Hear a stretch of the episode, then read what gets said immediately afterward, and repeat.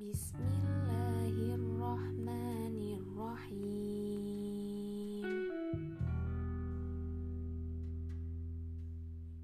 لا يحب الله الجهر بالسوء من القول إلا من ظلم وكان الله سميعا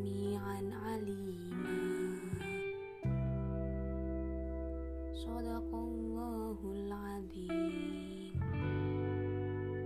Artinya, Allah tidak menyukai perkataan buruk yang diucapkan secara terus terang kecuali oleh orang yang didolimi.